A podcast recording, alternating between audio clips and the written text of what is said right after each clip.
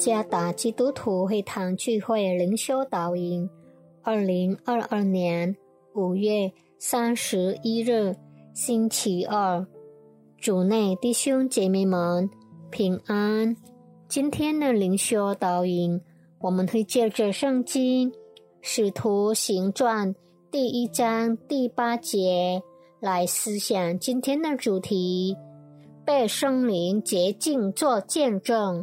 作者于来发传道，《使徒行传》第一章第八节：但圣灵降临在你们身上，你们就必得着能力，并要在耶路撒冷、犹太全地和撒玛利亚，直到地极，做我的见证。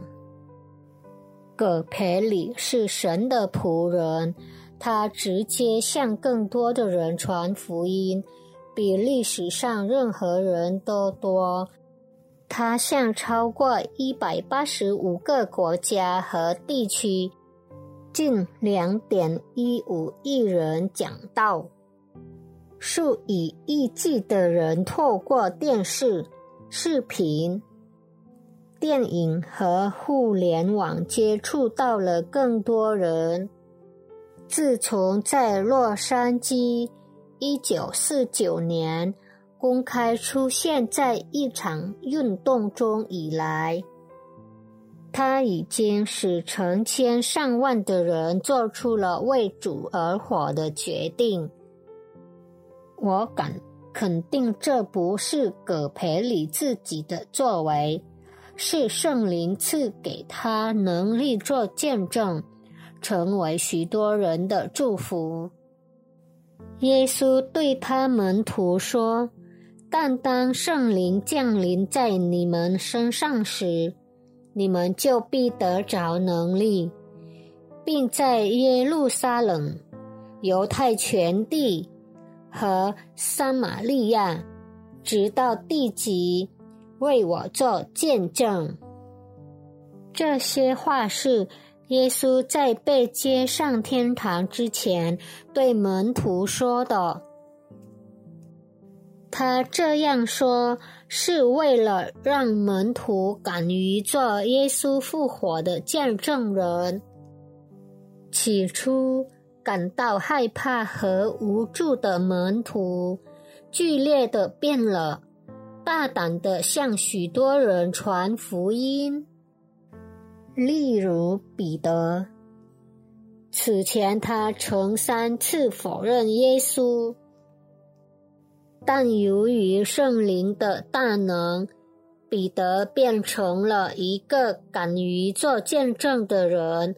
参看《使徒行传》第二章第十四到四十节。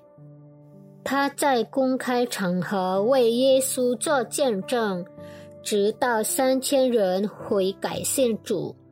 参看《使徒行传》第二章第四十一节。这不是因为公开讲道的技巧，这一切的发生都是因为圣灵的工作。作为基督徒。可能我们不善于说话、召集众人、教导等等，但我们不必担心。我们有圣灵赐给我们做见证的能力。上帝所要的只是我们愿意与每个人分享福音，然后我们把它交给圣灵。以便他可以触摸他们，使人幸福。不是我们的工作，而是圣灵的工作。我们必须把它完全交托在上帝的手中。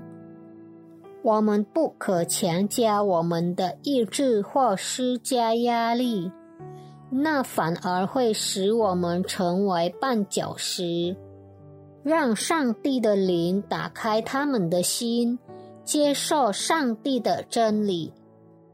我们被上帝的灵圣化，并被赐予勇气和能力做见证。